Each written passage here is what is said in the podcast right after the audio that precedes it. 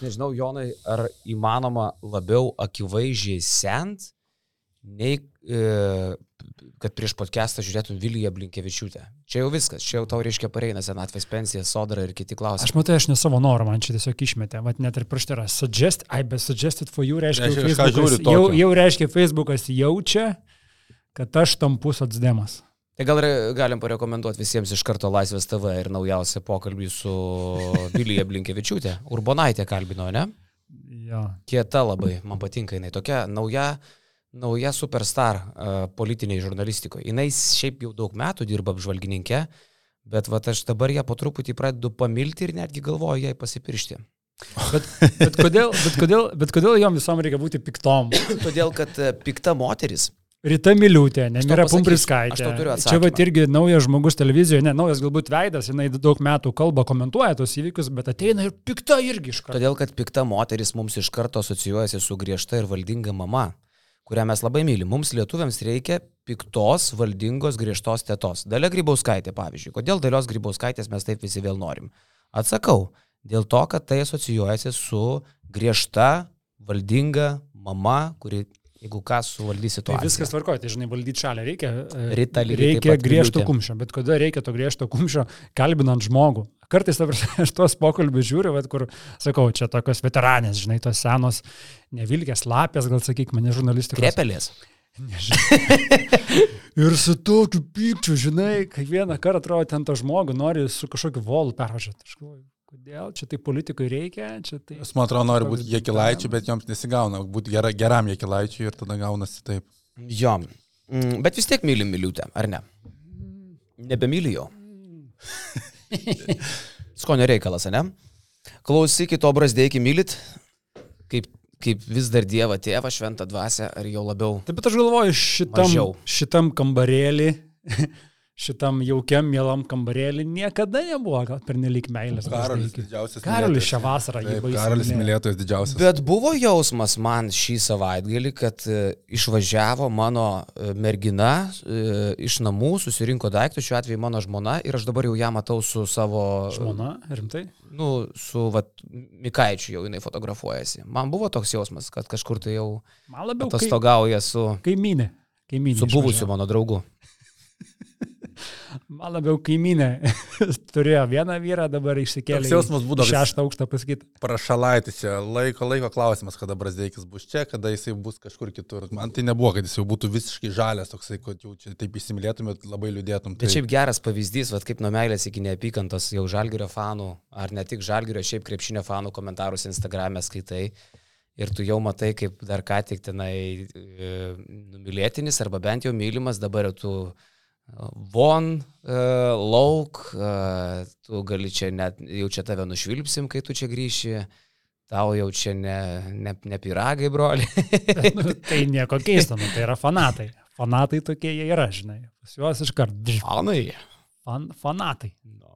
Fanai yra ir fanatai. Tai dabar reikingiausia iš tos situacijos, tik tais, kai Olimpijakos su Žalgiriu žaidžia ir nufilmuotas, kai Brasteikis kalba su Mokisiku ir Žalgiris užsirašė small talk, tai tos nebuvo, man atrodo, trumpas pokalbis tiesiog apie, apie reikalus, buvo jau apie tai, kad aš to komandos draugas esu nuo rytojaus. Galim paanalizuoti tą situaciją. Šiaip tai, kad Žalgiris vežėsi Brasdeikį į Kiprą, į draugišką turnyrą, finansavo, kaip Romanovas pasakytų, prafinansavo kelionę, e, tai yra skrydis, gyvenamoji vieta, traktavo kaip Brasdeikio pasiruošimo sezonui, rodo, kad Žalgiriui tai buvo šokeris, e, kad tai buvo netikėta, nes jeigu tu žinotum, kad jau tavo žaidėjas su Olimpiako su viena koja susitaręs, tai tu nesivežtum jo į draugišką turnyrą. Bet kodėl? Kaip tik? Kaip tik, tik tai dar daugiau klausimų sukeltų. Nu, akivaizdu, kad to, tokie dalykai per dieną neįvyksta. Tai derinama turėjo būti kurį laiką. Ir kartai, žinai, ta prasme, net, nu, nebejoju, ten, pavyzdžiui, Žalgirio medija komanda, nu, jie tikrai nežinojo, apie ką ten tas pokalbis. Dabar, kai tu žinai, jau atsakai jos telę atgal ir jau mes žinom, kaip viskas įvyko, nu, tai tikrai čia gali sakyti, jau ten Hebra kalbėjosi apie tai, kaip jie vienoje komandoje žais. Tai ta žinia, aš manau, tikrai nebuvo Žalgirį nuėję iki, iki medija komandos. Gal net žaidėjai ne visi žinojo, kad taip yra. Aš tai manau, kad daug kas nežinojo, nes dar prieš, nu atsimink, prieš kokias dvi savaitės mes e, šitą temą irgi pagliaudėm truputį, kad Olimpijakosas klibina Brasdeikį, bet tas klibinimas tuo metu buvo toks labiau uh, užklausos pobūdžio. Pirėjo komanda, paklausė Žalgirio, ten kažką tai apie Brasdeikį, tas stilo nurimo ir nieko daugiau. Juk mums ir tai buvo paaiškinta tuo metu, nes mes irgi pradėjome iš karto knystis, kai pasirodė pirmi žiburiai. Pradžioje ten Graikijos žiniasklaidai kažkas tai su, sumirgėjo, tada Donatas Urbonas užklausė irgi čia vieno kito ir mes po truputį pradėjom knysti. Bet tada taip nusiraminom, nes ir Žalgeris pakomunikavo taip tyliai ramiai tarp uždarų durų, kad viskas konsultacinio pobūdžio, daugiau tik tai užklausa, nieko daugiau. Aš tai manau, kad čia, žinau, Graikijoje tiesiog, e, ne, ne Graikijoje, Kiprė suaktyvėjo tas pokalbis iki maksimumo. Aš taip spėčiau. Kiek aš girdėjau, tai tas... Su... Kitu atveju Žalgeris jau dabar turėtų naujoką. Aš, aš, aš taip sakyčiau. Jeigu tai buvo seniai ne, nuspręsta. nesutinku, nesutinku. Aš kiek aš girdėjau, tai buvo labai e, suaktyvėjimas Olimpiakos po to, kai Makisiko situacija tapo neaišku, kada jis galės grįžti, sveikatos problemos ir tada prireikė jiems, nes e, Olimpiakos ir taip ieškojo žmogaus į perimetro liniją ir dar Makisiko traumą, tai tai suaktyvino, Žalgiris nuo pat pirmos pozicija buvo jų ta, kad e, yra sąlyga ta, kad jau, kadangi visi terminai įsigalioja, be pusės milijono eurų mes niekur nepaleidžiame, Tada tuo metu atrodė nerealiai tie skaičiai iš olimpijakos pusės, bet kai atsitiko Makisiko situacija, e, visas sąlygas e, įvykdė olimpijakos, žalgiriui nebuvo kaip kita ką daryti, kaip tik sutikti. O Tai kada Makisikui čia atsitiko? Čia porą savaičių irgi kažkas tarpė. Tas visas nežinomybė, ar jisai galės pradėti sezoną. Tai O kodėl, sakai, Jonai, nesutiktum, kad e, jeigu Žalgeris būtų jau seniai žinojęs, tam pasiruošęs, kad dabar nebūtų jau naujokas kažkoks? Aš tai manau, kad ir būtų. o, kaip tu, o kaip tu rasi taip greitai žaidėją tokio lygio? Nu, Vienas dalykas, Paprastai, žinai, kaip rado Izėją Taylorą, kaip rado Polonarą, kai reikėjo staigiai. Tai jie- Žalgerisgi sako, jie turi tą sąrašą žmonių visada. Jeigu kažkas atsitiktų, yra, man atrodo, Paulius Matijūnas net pasakęs, jeigu kažkas kažkam nutinka, mes visada turim tą sąrašą, pirmą opciją, kur iš karto Telegram kanale ar, ar per Žinai, faksą eigoj- Sezono eigoje yra turbūt kitaip. Čia, nu, vienas dalykas, niekada tie dalykai nesidaro per dieną dvi. Nu, tikrai tai kažkokios tai kalbos jos vyko. Ir dabar tik turbūt klausimas, kada viskas buvo pabaigta galutinai derinti. Galbūt va, ta, ta pabaiga ir artėjo prieš kelionę į Kiprą ir visiškai e, aktyvavosi Kiprė. O čia dabar tai galima spėliot. Gal Žalgiris turi opcijų, variantų, kur, pavyzdžiui, gal dar jie turi palaukti kažkokio žaidėjo. Gal, pavyzdžiui, yra žaidėjas, kuris geras, kuris atvažiuotų, bet jis, tarkim, Amerikoje dar, dar vis šaudosi NBA kontraktą, dar jis nėra pradęs ten tikėjimo ir vilties, kad jisai kažką NBA gaus. Tai pavyzdžiui, gal toksai, žinai, nes ar dabar Žalgiriui verkiant reikia žaidėjo, kaip reikėjo vietoje Evanso Tayloro, kur reikėjo dabar pat, žinai. Ar jiem dabar pat reikia pakeitimo Brasdeikiui? Aš nemanau, jie gali pradėti be e, šitos pozicijos žaidėjo. Nu, tų gynėjai užtenka. Ir žiūrint į tą laisvųjų agentų rinką, tai jinai labai tokia siaura, jeigu tu žiūrėtum į Europą, šiaip sakė, kad agentai dabar vienas po kito siūlo savo žaidėjus žalgeriui, bet tie žaidėjai tokie, kurie nelabai gal atitinka žalgerio norus, kai dabar norėtų turėti, žinant, kokia pinigų suma yra laisva, tai Čia kur dabar Prepeličius, mačiau irgi Jo, mūsų Bain Prepeličius Pliuso čiatuose, visi čia įtarkuoja, kas čia bus, jeigu bus Prepeličius. Nedaug tu dievė. Apie ką mes šnekame? Nedaug tu dievė. Jau tada geriau nieko arba palaukti sezono vidurio, kol atkris kas nors. Jo, nes ten tokie agentai iš Eurolygos pernai, tai Prepeličius, Holinsas ir, žinai, aišku, Higginsas, tu matai visą laiką ryškiausia, didžiausias jo klausimas dėl, dėl to sveikatos, bet aš iš karto, kai tas šitą situaciją atsitiko, toks pagalvoju, Higginsas jo laisvas ir ta prisimeni, ką Kazis Maksvytis pernai sakė, dar pažiūrėjau, kada tai buvo, kovo pirmą dieną prieš rungtynės su Barsa gavo klausimus spaudos konferencijoje Kazis, Korė Higginsas ir Nikola Miročius individualiai nežaidžia geriausių asmeninių sezonų, ką šiuo metu būtų galima išskirti kaip Barcelonos lyderį.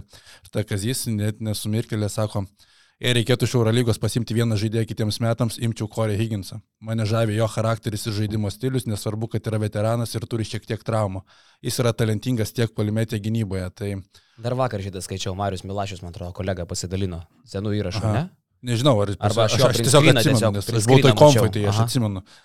Tai aišku, Higginsas, jeigu tu žinai, kad jo sveikatos situacija yra gera, tai aš nu, geresnio varianto nežinočiau. Man Higginsas vis dar yra elito elitas, bet didžiausias klausimas, kai tau prasideda nugaras problemos, kokia yra tavo ta sveikatos situacija. Tai čia ir turbūt yra tas pagrindinis dirgiklis, nes toks kaip Higginsas turbūt jau būtų senai pasirašęs kontraktą, jeigu viskas būtų gerai. Jam tik nugarą, ne keliai. Pagrindinis, tai man atrodo, nugara buvo dirgiklis. Mhm. Nes e, jeigu nesveikatos klausimai, tai turbūt Corey Higginsas jau su žaliai balta apranga apšilinėtų čia Nemuno saloj. Manau, klausimų nebūtų, nes čia toks laisvas babkių tai agentas. turim. Dabar toksai, žinai, kur, e, Babkių tai turim, wow. kur realiai, jeigu pusę milijono yra išpirka, uh, Brasdėkio kontraktas 700 tūkstančių Aštuoni gal net. ar 800. 800 tai, būti. tai mes čia Skotį Vilbekiną galim išsipirkti. Ir žinai, ir dabar taip, taip žiūrint į tos skaičius, realiai, jeigu ta suma iš tikrųjų yra pusę milijono, panašu, kad jinai yra. Ir tai visai realu šiaip, nes iš tikrųjų visi terminai buvo praėję, Žalgiris galėjo šaukti, ką tik norėjo. E, jeigu jie taip šaukė, tai čia pagarba iš tikrųjų Žalgiriui, kad jie tokią sumą numetė. E, tai dabar skaičiuojant, Brasdeikis, jeigu pernai uždirbo 6 PM kažkas tokio, tai Brasdeikio tie metai iš esmės kainavo 150 Žalgiriui. Bet čia yra investicijos graža, sakyčiau, labai nebloga. Žinai, Ne, kur... pusę milijono apskritai gera išpirka. O čia jau tokia, kur ne, neliūdna. Tai tu pagalvok, čia turbūt yra antra didžiausia žalgerio gauta išpirka už žaidėją. Antras Brasdeikis, pirmas Hartenšeinas, kito neatsimenu varianto. Antras, žinai, kas iki šiol buvo, irgi labai panašioje situacijoje. 2012 metais a, irgi prasidėjo. Pačioj, pačioj pradžiai sezono, a, rugsėjo galas, spalio pradžia, Mantas Kalnietis į, į lokomotyvą, tuo metu 450 tūkstančių lokomotyvą sumokėjo Žalgiriui už kalną. Tai va, Tai, Jaučiasi. tai aplenkė, aplenkė Kalnietį, jeigu tas pusė milijono yra teisinga. Aišku, ten buvo kita situacija, ten buvo Kalnietis tiesiog tapo nepagidaujamas, kai nesutiko su Romanovai į rinkimus ir nes, nesutiko būti jo partijai. Tai Romanovas jį pardavė, supranti, už gerus pinigus, o čia, o čia, o čia Brasdeikiu, nežinau, Saulės norėjęs daugiau, nuo Kazio pabėg norėjęs labiau. Girdėjau versiją, kad jam ir labiau norėjęs trečių numerių žaisti, ne antrų, mm. bet žiūrint į Olį sudėti, ar ten tikrai trečioji yra daugiau minučių negu antroji, man atrodo, jam antro reikia labiau vis tiek, ne? nu jis įsivaizduoja, kad su Papaniklau trečių bus daugiau, bet su Barcoku, jeigu jis įkalbėsi, tai turbūt taip pažadėjo, bet ir girdėjau, kad ta versija yra, kad jis nelabai norėjo ant ir toliau žaisti, tai plus milijonas eurų, tai tavo alga dar labiau išauga. Ir šiaip toks atrodo, kaip ta naujiena perkūnas iš gedro dangaus, bet viskas susisteminus, tai man atrodo daugiau pliusų žalgeris šitos vietos e, gauna, galim dabar pažiūrėti. Minusas pagrindinis tai yra, kad prieš pat sezono startą ir rinkoje tų gerų gynėjų yra trūkumas, e, gali reikėti rizikuoti šitoje vietoje. E, Tas minusas turbūt, kad antras sezonas visi tikėjomės, kad Brasdeikiui bus solidesnis gerokai Europoje, čia irgi mes nesužinosime dabar, kaip jis būtų atrodęs žalgyrėje. O pliusai tai faktas, kad tie pinigai pusę milijono, tai, nusakau, Hartenšinas gal 600 tūkstančių žalgeris gavo už MBA klubą, už Hartenšiną, tai pusę milijono Europoje yra nu labai dideli pinigai Iš išpirkos. faktas, kad pusę milijono, nes Jo. čia tikrai, čia žinomas sk- skaičius yra. Ja. Nes niekas jo šiaip oficialiai neskelbė. ja, ja, bet girdėjau, kad pusę milijono. Paskaitus rašė irgi apie tai. Pusę Bet milijono. tai nėra oficialu. Ne, tai oficialiai niekada nebuvo. Krepšinio žinios LT rašė, kad 200 tūkstančių. Šiaip, su, O kas tu toks, kad tu jau, jau čia perspjauni krepšinio žinios LT Šitą, šaltiniais? šitą reikia garsiai vardinti krepšinio žinias, al tai reikia sukišti užpakalį to tinklapio autoriui. Nes tai yra jam nes, pačiam jo kūrinį. Taip, jo, jo užpakalį. Jo, visiems oh, visie, ir visiems, kurie ten rašo, ar kažkam, ta prasme, tokio melo rinkinio Lietuvos sporto žiniasklaidos istorijoje nėra buvę. Visi, kas skaito krepšinio žinios LT, žinokit, kad jūs tiesiog kiekvieną mielą dieną kažkas apgaudinėja, mausto, dursto ir visai kitaip durnina. Tai žodžiu, tai yra dugnas tiesiog. Krepšinio žinios LT yra vakaro žinios senų laikų, ne? Žiauriau. Ta prasme, vakaro tiesiog buvo rašydavo, daugiau... grybauskaitė buvo buvo šiko, buvo- keli antraštį, Tai žinai, jinai, aš net nebijau, kad, žinai, bet ar jinai nešikdavo. Kad Ten būdavo daugiau tiesos negu krepšinio žinias LT. Čia yra mėšlų mėšlas. Ja. Jo, tai ta išpirka, bet ir šiaip e, atsilaisvina brangiausia žaidėjo vieta ir mes vis tiek e, 800 tūkstančių žalgeriui yra nu labai dideli pinigai ir mes vis tiek nebuvom tikri, ar Brasdeikis yra vertas tų pinigų ir būtų tas brangiausias komandos žaidėjas, daugiau tai buvo su avansu ir sak- sakomas, kad lietuviškas pasas. E, Pusę milijono gauni ir jeigu ir Brasdeikis atidirbtų tos savo pinigus, užžaistų kaip 800 tūkstančių žaidėjas per sezoną, tai tu jau kitą vasarą jokios išpirkos negautų. Tai čia vėl grįžtam prie tos piniginės pusės, kad Žalgės nu, iš tos finansinio, aspekto labai gerai užlošė. E, Kitas dalykas, girdėjau, kad e, pati Žalgerio stovykla nėra, nėra ten viskas aišku, kaip ten su ta traumelė yra, nes e, gali būti, kad būtų ir be Brasdeikio ar taip ar taip pradėję sezoną, nes po tos rinkiniai patirtos traumos dar ne viskas atsistato ir, ir galbūt jeigu ir pradėtųsi sezoną nuo pat pradžių, tai tikrai ne šimtų procentų, tai tas traumos klaus- klausimas irgi kažkiek padarė įtakos, kad Žalgeris pernelyg neišgyvena dėl to praradimo. Nu ir šiaip dabar galvoju, jeigu Žalgiris atlaisvino per milijoną eurų, jeigu viskas būtų net anksčiau susiklostę, tai tokių žaidėjų, man atrodo, kad Brasdeikis yra geriausias žaidėjas žaidžiantis su kamoliu. Žalgiris šiemet yra sukomplektuotas kitaip. Kamolį turės Mitrolongas ir Kinnas Evansas.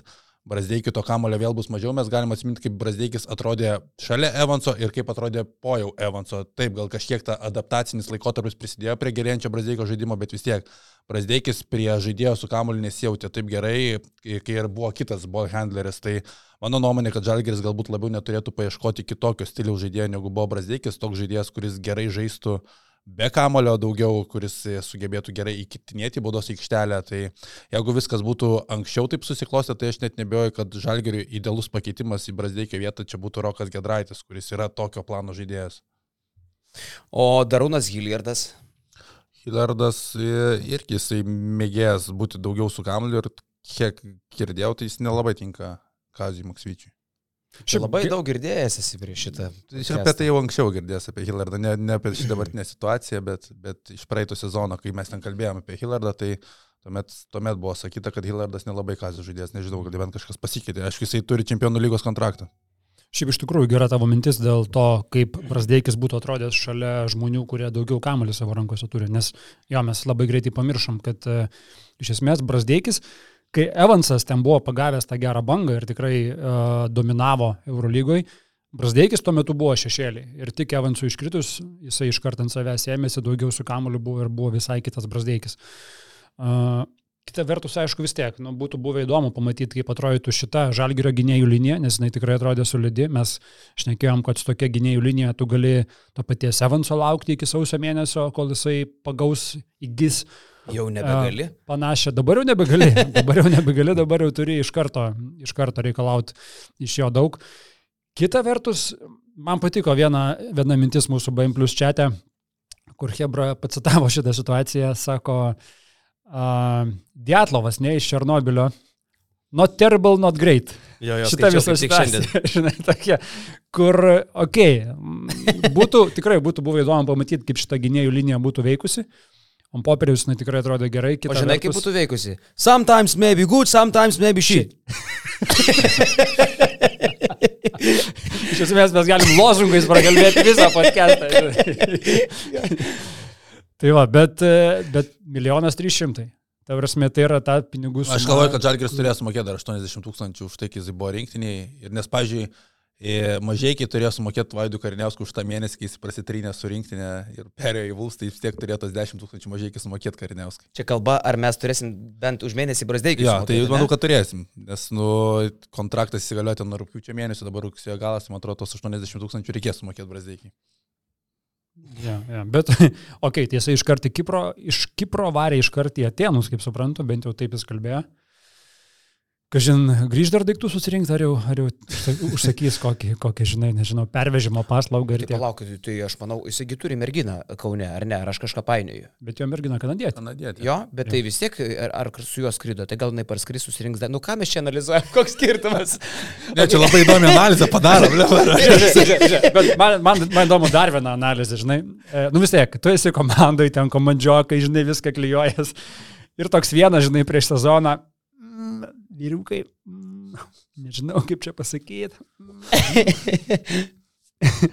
kaip šitą naujieną pranešė komandai, žinai, tipo komandos draugam, nu vis tiek tai yra tarsi turėtų būti ar ne artimiausi žmonės, su kuriais tu daug laiko praleidai, su nemaža dalimtų antrą sezoną su jais būni ir toks, žinai, na gerai, davai, paskutinį šviesą išjungi. Ta prasme, kaip, kaip tai atrodo? Aš tai žinai? tiesiog paimčiau iPhone, YouTube, jungčiau, išeinu palieku tave nepyk, kernagio iškelčiau ir sakyčiau, sorry, šaika yra kaip yra. Viskas. Aš tiesą sakant, nemanau, kad jau Brasdeikiui, tai kam, kam, bet Brasdeikiui amerikietiškiausiam visų laikų, amerikoniškiausiam visų laikų lietuviui žalgyryje E, turbūt, kad e, su, suvokimas, kad it's just a business baby yra tiesiog įgimtas. Ir nemanau, kad jisai turi kažkokią tai didžiulį išgyvenimą uždarant žaliai baltos rūbinės duris. Šiaip tai aš tai norėčiau, kad e, tas heitas jam irgi būtų toks pamatotas ir gal net, kad jo apskritai nebūtų, nes tai yra Lietuvos rinktinės žaidėjas, lietuvis, neatsisakęs žaisti rinktiniai net ir po visų šitų sudėtingų sezonų ir nuovargių, apie kuriuos tiek daug buvo kalbėta. Ir žinai, krepšinis pirmiausia yra biznis, kaip sako Remigijus Milašius.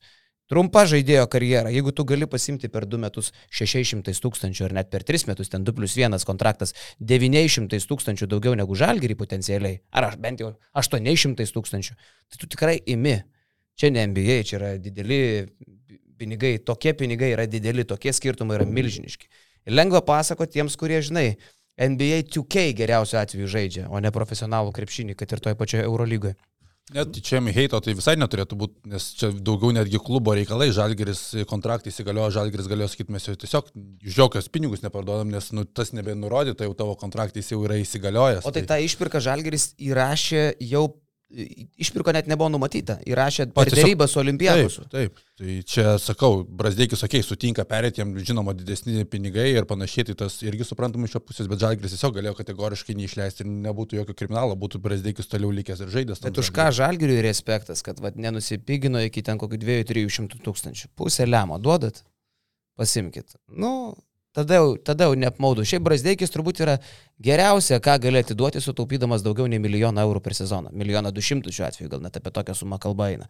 Jeigu 7 PM plus 500, tai net ir milijonas. 800, kodėl? Tu... Milijonas 300, nes aš skaičiau, kad 7 PM jo alga. Skaitai krepšinio žinias? Jo. jo. jo. Tai va, nu tai gerai, milijonas 300. Tai už tokią sumą čia geriausia, ką tu gali atiduoti. Brasdeikis. Fantastika, viskas tvarkoja. Judam toliau. Apie heitą šiaip kalbant, žinai, aš sakau, fanatų tikrai nesukontroliuosi ir ten jų neišauklis ir, ir nepasakysi, kaip reikėtų elgtis. Bet dėl ko mes čia heitinam? Dėl to, kad žmogus pakeitė uh, savo darbo vietą, ne? Iš esmės, kai pradėtume heitinti bet kurį, įsivaizduokit, jūsų ten koks kolega iš darbo perina ne į kitą įmonę, tarkim, uh, Ir jūs dabar jį heitinat realiai kažkaip, žinai, jūs jį nušvilpinėjat, kai visi pamatot. Aš suprantu, tu gali likti nepatenkintas kažkoks, ten, čia nereikėjo, žinai, visą kitą. Bet vis tiek tu jam ranką paspausi sutikęs.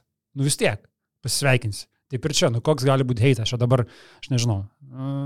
Agnius va išėjo, bet po to sugrįžo. Ja. o šiaip tai, kai pagalvoji, Žalgiris dabar turi tiek pinigų, kad e, realiai gali pasimti du, gero, du gerus žaidėjus e, į skirtingas pozicijas sezono metu, pavyzdžiui, gal kažkas traumuosis, gal reikės kažką stiprinti. E, turi daug pinigų už 6 PM, nu jeigu taip skaičiuosim, kad tai yra pusė nuo milijono 300, kurie lieka išėjus Brasdeikiui, tu pasiemi Kynaną Evansą iš esmės. Kynano Evanso pirmo sezono atlyginimas toksai. Teisingai? Tai tu du labai gerus žaidėjus gali pasimti. E, o šitas žalgeris, kaip jis dabar atrodė Kiprė, be Igno Brasdeikio, su vat, lyderystė prieš Zvezdą gale parodžiusiu Lukučiu Lekavičium, irgi realiai du, dvi paskutinės jo atakos ir pergalė prieš Zvezdą iškovota, ne? Mm. Su visai simpatiškai judančiu to pačiu Evansu, kur mes turbūt e, būtume kirtę lažybas, su ko tik nori, kad jis taip dar nežais. Jis jau žaidžia labai neblogai palyginti, jau maloniai stebina. E, Manekas uh, smaigsto savo, uh, Mitrulongas lošia, ne, nepergyvena, atrodo tas pats Edgaras Ulanovas. Nu daug tų opcijų yra. Kažkaip man, vat, būtent, kad tas pasirodymas Kiprė labiausiai ir nuteikia, kad čia be Brasdeikio visai galima žaisti. Taip, taip, tikrai atrodė tam Eurolygos klubų kontekste. Ir gerų klubų, tai aš sakau, Olimpijakosas ir Zvezda mano vertinimu, tai čia yra dvi top 8 garantuotos komandos. Zvezda pas mane yra top 8. Zvezda tikrai negarantuota. Man tai garantuota diskusijų klausimas, bet šiaip, kaip Žalgiris atrodo, tai tikrai aštunta. tvarkinga. Tvark... Tai negarantuota, aštunta negarantuota. Garantuotų gali kokias keturias, greičiau Eurolygą. Nu tai aš turiu savo loką susidaręs, kur va čia mano, tip, nu ne loką, bet tipo mano aštuntukas. Tai aš juos ten įdėjau. Tai nežinau, čia mano garantuota.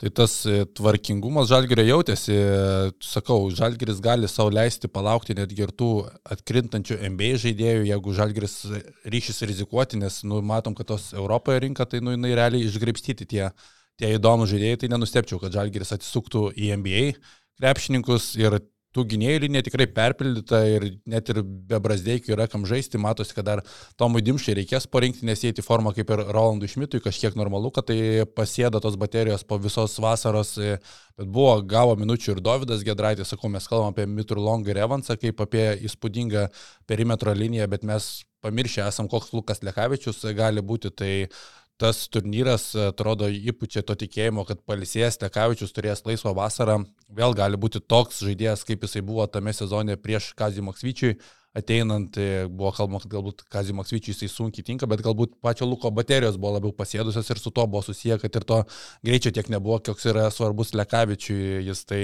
sakau, labai džiugina mane, kaip Laurinas Birutis nuo pirmųjų, pirmųjų rungtynių atrodo šiemet solidžiai, jeigu pernai tos didelės abejonės buvo, dabar mes realiai neturime pagrindinio centro, turime du labai skirtingus vidurio palėjus, kurie tinka.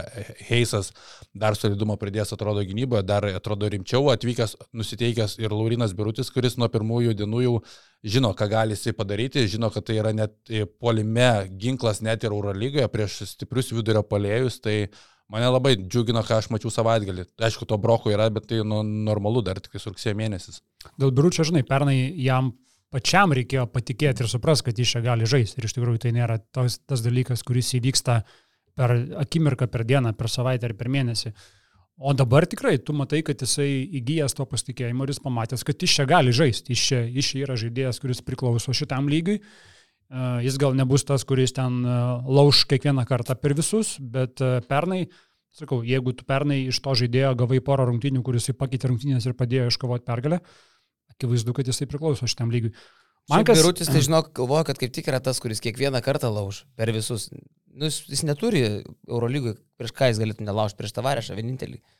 Šiaip tai jis prieš visus laužė. Ar tai Veselis, ar tai kas tik nori. Laužė, bet nebūtinai pavyksta prieš visus. Blemba gerai jam pavyksta. Aš tai jau sakiau e, vasarą, vat, ko man labiausiai patinka Žalgiris prieš šitą naują sezoną, kad tai yra antro sezono komanda ir visi jie jau yra geresni. Tai apie Birutį, manęs visai nenustebino Birutis, aš dar iš Dimšos laukiu dar geresnio žaidimo, nes manau, kad jis tikrai dar pasprogdins ir padarskys. E, Lukutis, manau, kad irgi taip blogai žaisti negali. Nu visą tai jau yra kalbėta, bet Birutis absoliučiai nenustebino, aš dar manau, kad jis dar net ir neformui. Tai jis turėjo rumelę vasarą, jo, tai no. galimai, bet šiaip sakau, gal, duos vaizdų. Jis tik aikštelėje jam vis įmeta ant tauso, įmeta nesvarbu, kas būtų Taip. prieš tą žaidžią birutis, tai man Taip, patinka. Tai šikna įrėmė. Double, šikna atrodo smaili, nėra, kad kažkokia labai, žinai, kaip pas Jebuselė būtų ar Mustafa Fala, kur tikrai jauti, kad jau pareina subinė didelė, tak Šakilo Nil, žinai. Bet jisai taip kažkaip aštriai įsirėžė ir, ir va. Ir... Durė, durė. nu, durė. nu, ir nėra lengva niekam, visi verkia prieš jį. Menikas irgi, Menikas patinka, kaip jį išnaudoja, kad jis Maksvitis akivaizdžiai jiems sukūrėmi deriniai ir jisai be jokių abejonių kalą tą tritaškį, tai tu, aišku, jeigu jisai geriau gintųsi, jis manau, kad jisai pas mus nežaistų, Norė, norėtų, kad jisai kažkiek solidžiau atrodytų gynyboje ir išsikeitimuose, bet jo ilgos rankos kartais kompensuoja tą lėtas kojas. Milijoną tris šimtus dabar. Du dabar jau, jau gal ir žaisti iš tikrųjų po parazdėkį išvarimo, bet e, taip tu nebūtum turbūt jo įpirkęs, bet e, Man atrodo, kad čia vis tiek yra upgrade'as lyginant su Kevanau, vien jau matant tą metimo, metimo techniką, tai nu, nuostabi. Kevanau, jisai kaip sugalvodavo, kas penktas rungtynės pataikydavo, bet šiaip to stabilumo nejausdavo niekada, kada Kevanau atakuoja. Kai menikas išmeta, tu jau žinai, kad daug šansų, kad įsikristas kamuolys. Ir kas, pavyzdžiui, dabar paskutinėse sekundėse su Olimpijakos matėsi, reikėjo žalgirių tritaškio, išeina penketukas, kuriame yra Evansas, Mitrulongas, Dimša, Šmitas, Menikas visi penki metantis ir tai darantis tikrai gerų procentų. 37, 8, okei, gal Dimša praeitais metais met 35, ne, bet vis tiek mes žinom, kad yra puikus sniperis. Tai iš esmės tai irgi yra ginklas, dar čia galim kažkurį iš gynėjų pakeis Lekavičių vietoj, vietoj kažkurio iš jų, ne, ir yra metantys žaidėjai, visus penkis tu gali tokiu atveju iš, išmesti, kurie atakuos iš toli. Tai iš tų draugiškų ten negali daug kažkokių išvadų daryti, čia kažką nugalėjai, kažkam pralaimėjai, ten tikrai uh, daug nesimato tai, kas bus taktiškai, matosi, kad ir tie žaidėjai nesistengia turbūt iš visų jėgų, nesiplėšo, ten ir tas užsivedimas, kas Europoje yra labai svarbus, kai vyksta oficialios varžybos, yra visai kas kita. Ten taip palakstė, pasibandė skirtingus penketus, kažkas kažką parodė, kažkas kažko neparodė. Uh, bet iš esmės jau turbūt laukiam, laukiam oficialių rungtynių ir beje, mums pradėjus podcastą, uh, Žalgris išplatino naujieną, kad jau išparduoti visi bilietai pirmasis Eurolygos namų rungtynės, kurios vyks po dviejų su pusę savaitės. Su Belgrado Cervena Zvezda? Taip, taip. O ne. Bet žinai, koks dar yra jausmas geras? Kuo skiriasi praeitas sezonas ir šitas sezonas? Tu žiūri Žalgirį, žaidžiantį prieš Olimpijakosą Zvezdą. Jums, nežinau, nėra to jausmo tokio, kur žiūri labai ramiai. Jo, yra, yra šitas. Kur, kur toks net biški mandras prie to teliko jautiesi, kad viskas tvarkoja, mes čia lygiai vertiškai lošim. Iš karto nėra, kad kaip vat, ypatingai dar tas senasis žalgeris, 2, 4, 7, 9, kur tu, nu, a, viskas ant ribos visą laiką. Čia, žinai, čia mes užaugom su tą traumą, su to žalgeriu užaugom. Tai, labai, žinai, net, net toks truputį per, per prabangos jausmas žiūrėti rungtynės ramiai, kad viskas gerai. Jeigu gaunam minus 10 nuo Zvezdos, tai nėra viskas. Vizija, dabar jau vizija, dabar jau paleisim viskas. Pas mus laukiam tas... kitų rungtynių, šitas jau nurašėm. Ne, dabar jau tu, tokie laikai, kai tu ir toks žalgeris, kur tu žiūri ir Gerai, grįšim, čia ne problema, čia šio laikiniam krepšinį, čia dar netiek.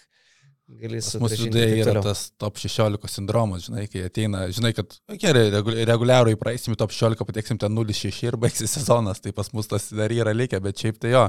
Dar žalgeriai ir pernai, kai po Šilerio sezono tu pradžioj dar nežinojai, ką gali ta komanda, tu su visais tais kur Maksvyčio ekipa jau stodavo į kovą, tu vis kažkaip jausdavai tą kompleksą, kad čia mes vis tiek silpnesni ir panašiai, bet jau šiemet visai kitas jausmas yra, kai ant, antrą sezoną ta pati komanda likusi. Šiaip prieš keliaujant toliau mes turime duoti duoklę ir pagarbą savo partneriams. Aš dar vieną mintį tik norėjau prieš vat, partneriams, NordVPN turiu menį. Taip, teisingai. E, dar vieną mintį turiu menį. Olimpijakosas šiaip galėjo ir dar vieną mintį turėti - susilpninti žalgyrį. Tarkim, Pirėjo Olimpijakosas mato, kad jie be sluko ir be Vezenkovo nebėra top 6 ten garantuota komanda. Tai jau top 8 labiau, top 9, tokia, kur jau su visais e, susiligi vertiškiai, nes dabartinė olimpiako sudėtis neturint Sluko ir Vezinkovo nebeatrodo, kad e, da, jau ir taip sakydavom, kad tai yra darbininkų komanda. Dabar jau jinai yra konkrečiai darbinis arklys. Ir jie mato, kad Žalgiris pagal savo potencialą yra kažkas prie Olimpijakoso. 8-9 irgi komanda Eurolygui. 8-9-10 ta pati lyga. Tai aš manau, kad vienas iš Olimpijakosą pastumėjusių mesti pusę lemo, nes Olimpijakosas nėra senų laikų CSK, kur iš užpakalio įsitraukdavo pinigus, su dalim jų nusivalydavo subinę, su kita dalim sumokėdavo žaidėjim. Jie irgi turi ribotą biudžetą. Tai jiems pusę lemo kainuoja. Ir aš išpirka ir galų gale paskui Brasdeikio kontraktas nėra mažiukas, jiems irgi.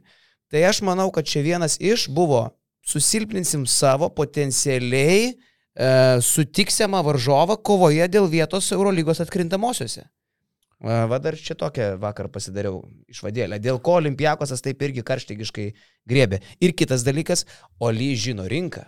Jeigu būtų galima e, pakeisti, pasimti Higginsą, dar ką nori, tai jie nemokėtų išpirkos. Jie puikiai supranta, kad jie žalgirį nuvarys į tą situaciją kur e, jie žalgirį šiuo atveju neturės ką pasimti.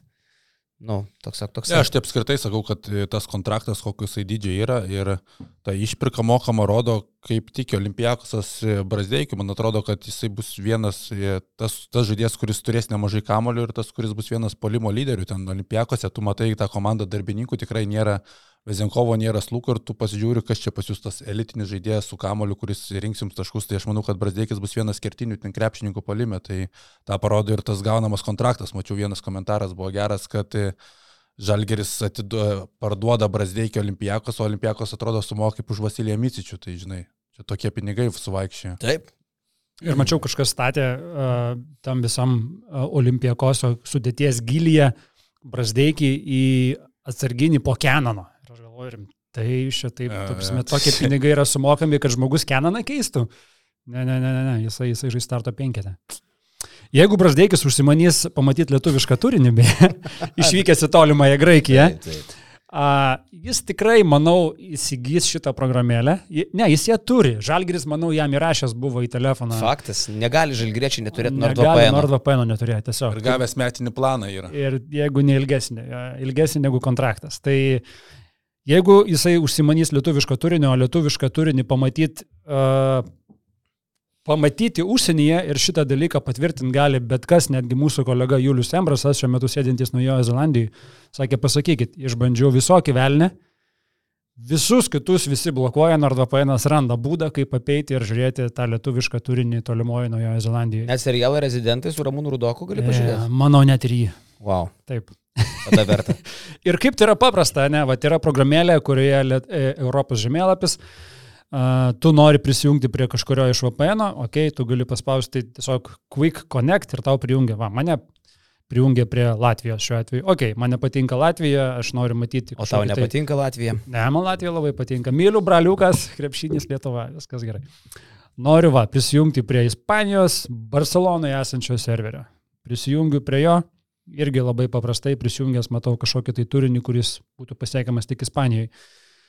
Tai kaip sakiau, tas, e, šita programėlė jinai yra pasiekiama ant šešių skirtingų įrenginių, ant šešių įrenginių tu gali e, naudoti su viena paskira.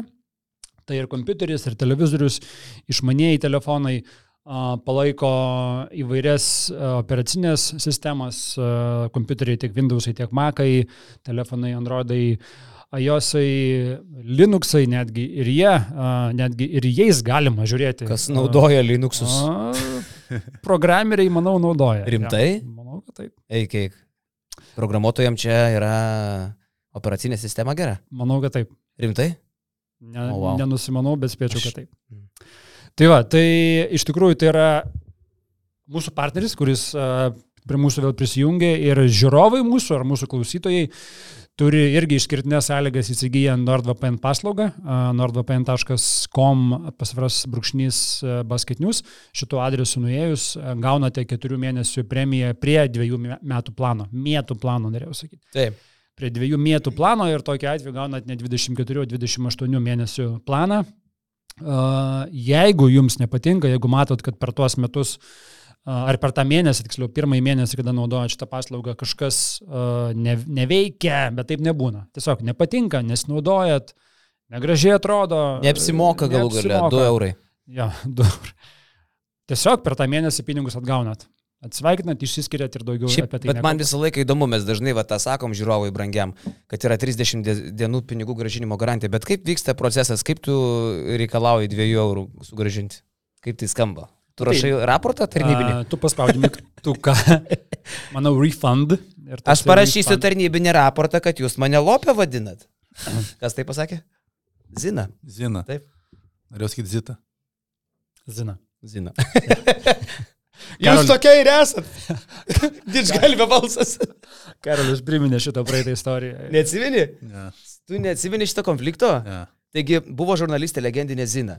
Ir 2.11 per Ai, Eurobasketą susikirto su visais žurnalistais. Panevėžy. Ir ten kažkas ją lopę pavadino. Taip, taip. Jūs mane lopę vadinat? Taip, taip. Aš, taip, taip. aš parašysiu tarnybinį raportą, kad jūs mane lopę vadinat. Ir Legendinis. didžgalvė balsas iš toli. Jūs tokia ir esat. Šiaip tai blogai. Realiai blogai, nu, pa- tarsi, okay, kad ir Blogai, bet jau dabar jau legenda. Nu, legenda, jo, žinai, klasika. Bet vadint kažką lopę dėl to, kad klausimą blogą uždavė. Ar lochė? Dar blogiau. yeah. Tai va, nordvpn.com slash basketnews dar kartelį šio, šią nuorodą pasieksite visus privalumus, kuriuos gauna mūsų žiūrovai ir klausytojai. Šiaip tai yra pasididžiavimas. NordVPN lietuviškas produktas, jeigu sako, kad niekas geriau net Naujojo Zelandijoje neveikia, o ten veikia viskas, kaip žinia. A, tai yra įvertinimas. Ir jau kalbėti apie tai, kad ten viską pigiau nusipirksit, e, YouTube premium, visokias čempionų lygas ir taip toliau, net neverta, nes tai yra taukšta daug kartų ir kuo ilgiau apie tai šnekam, tuo labiau atrodo, kad meluojam. Žinai, kai a, daug kartų kalbi, tam, kad taptų tiesa, bet mano mačiutė taip kartais mėgsta daryti ir galiausiai tai tuo patikė. Aš sakau, ne, ne, močiutė, tu esi gimus 39, ne 42, žinai. Nu ir nesvarbu. Ah, e, ant ko baigiam? Ant, uh, Brazdo. ant olimpijakoso. Jo. Jo. A, nu gal, e, net nežinau dabar kaip čia perėti protingiau prie to, bet turbūt prie žalgerio jau nebeverta labai daug pasilikti, nes gausis vis, vėl visa laida apie žalgerį. Gal tik taip reikia priminti, kad liko, liko tik savaitė iki Eurolygos iš esmės, nu pusantros savaitės. Kitą savaitę mes jau darysim podcastą, kuriame kalbėsim apie e, Čempionų lygos startą, tiksliau apie Europos taurės startą, Vulfsai antradienį, Lietkabelis trečiadienį, Žalgeris ketvirtadienį ir visi trys klubai išvykose. Tai kita savaitė bus Max darbinga, plušėsim jo fana. Šią savaitę Basket News komanda išvyksta, direktorius mums nupirko kelalapį į druskininkus, turėsim ir vandens akvaparkę pramogų, ir žaisim krepšinį. Gal net ir tą patį, tą patį kažkokį...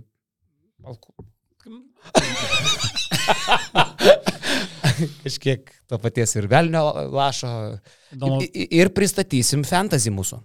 Šią savaitę vienas iš mūsų kelionės į druskininkus tikslų yra padaryti specialų podcastą, kuriame mes sudraftuosim, naudodami mūsų naujo fantasy.basketnews.com uh, fantasy komandas. Tai dabar sunku pasakyti, aš taip galvoju, kad ketvirtadienį, penktadienį jau turėtume tikrai turėti galutinį variantą, tai gal ir anksčiau Ai, tas draft, jo, video. pristatysim. Tai uh, jau dabar galim pasakyti, uh, šią savaitę Basket Newsas paleidžia klasikinį Eurolygos fantasy, tą, prie kurio buvot pripratę, aišku, truputį atnaujinta bus ir e, starto penketai nuo šiol, ir šeštas žaidėjas, kitaip sakant, nebeužteks tik tai susirinkti gerą komandą.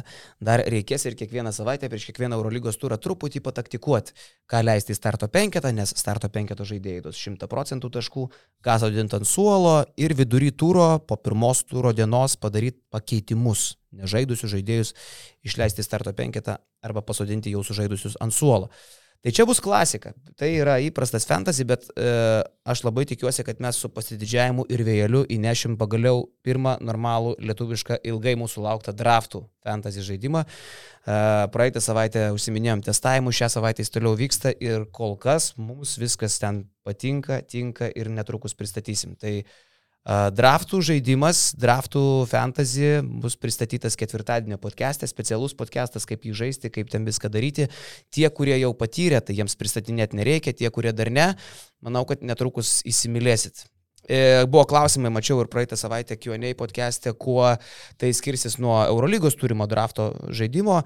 Tai Pagrindiniai dalykai yra du, kokie bus mūsų pranašumai. Mes turėsim uh, automatinį draftinimą, tai ne rankiniu būdu komisaras įkelinės žaidėjus, o bus auto draftai, kur sistema tiesiog tau duos 90 sekundžių įsirink žaidėją, pats paspaudi, kurie nori, klink, atsiranda pas tave ir eina draftinti kitas lygos dalyvis. Tiek per kompą, tiek per telefoną, viskas Taip. labai aiškiai, tu renkėsi iš sąrašo žaidėjų, matai visą eilę, kada kas renkasi prieš tave.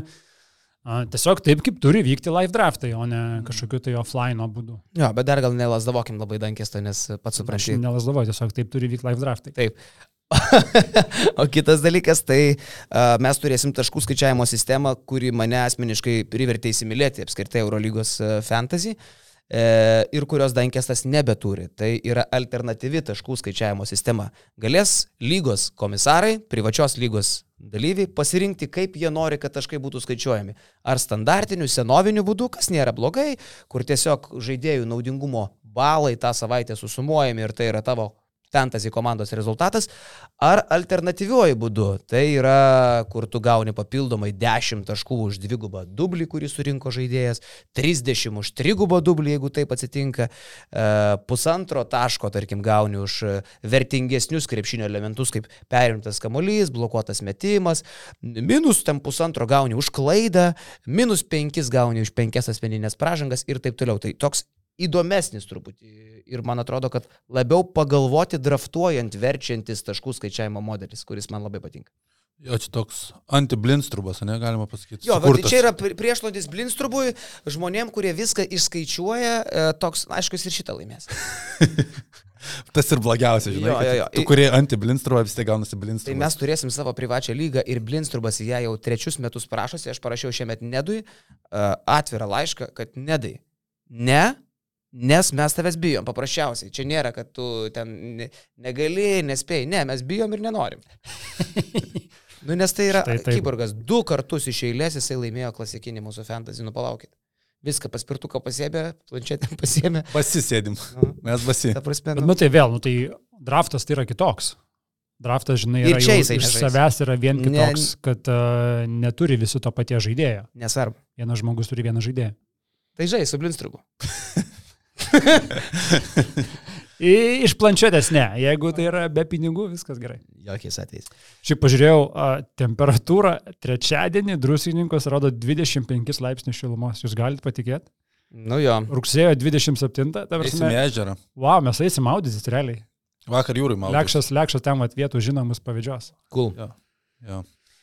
O šiaip tai va, e, apie LKL gal dar kažką, ne? Galim perėti prie LKL, tik dar jeigu paliekant tą turnyrą Kiprė, tai man buvo, mes kam, kad čia draugiškos rungtynės, visi rotuoja normaliai, bet tu pasižiūri, kaip Zvesta rotuoja blemą, tai man gaila Roko Gedraičio, dabar 7 minučių žmogus per, per 2 dienas sužaidė, tuško ten nuvarys vėl visus iki naujų metų. Uh, 7 tai minučių. neturi šito veikėjo. Šabazas nežaidė ir Milošas, jo. Uh. Bet vis tiek ten matos, kad Gedraitis turės visišką pasitikėjimą ir, nu, aišku, kodėl jis ten nuvažiavo, tai būtent dėl trenerio pažįstamo. Jis taip pat žaidė Baskonį, Baskonį ir atsiskleidė prie duško labiausiai Rokas Gedraitis. Tai, nu, akivaizdu, kad šiemet vėl turės rimtą sezoną.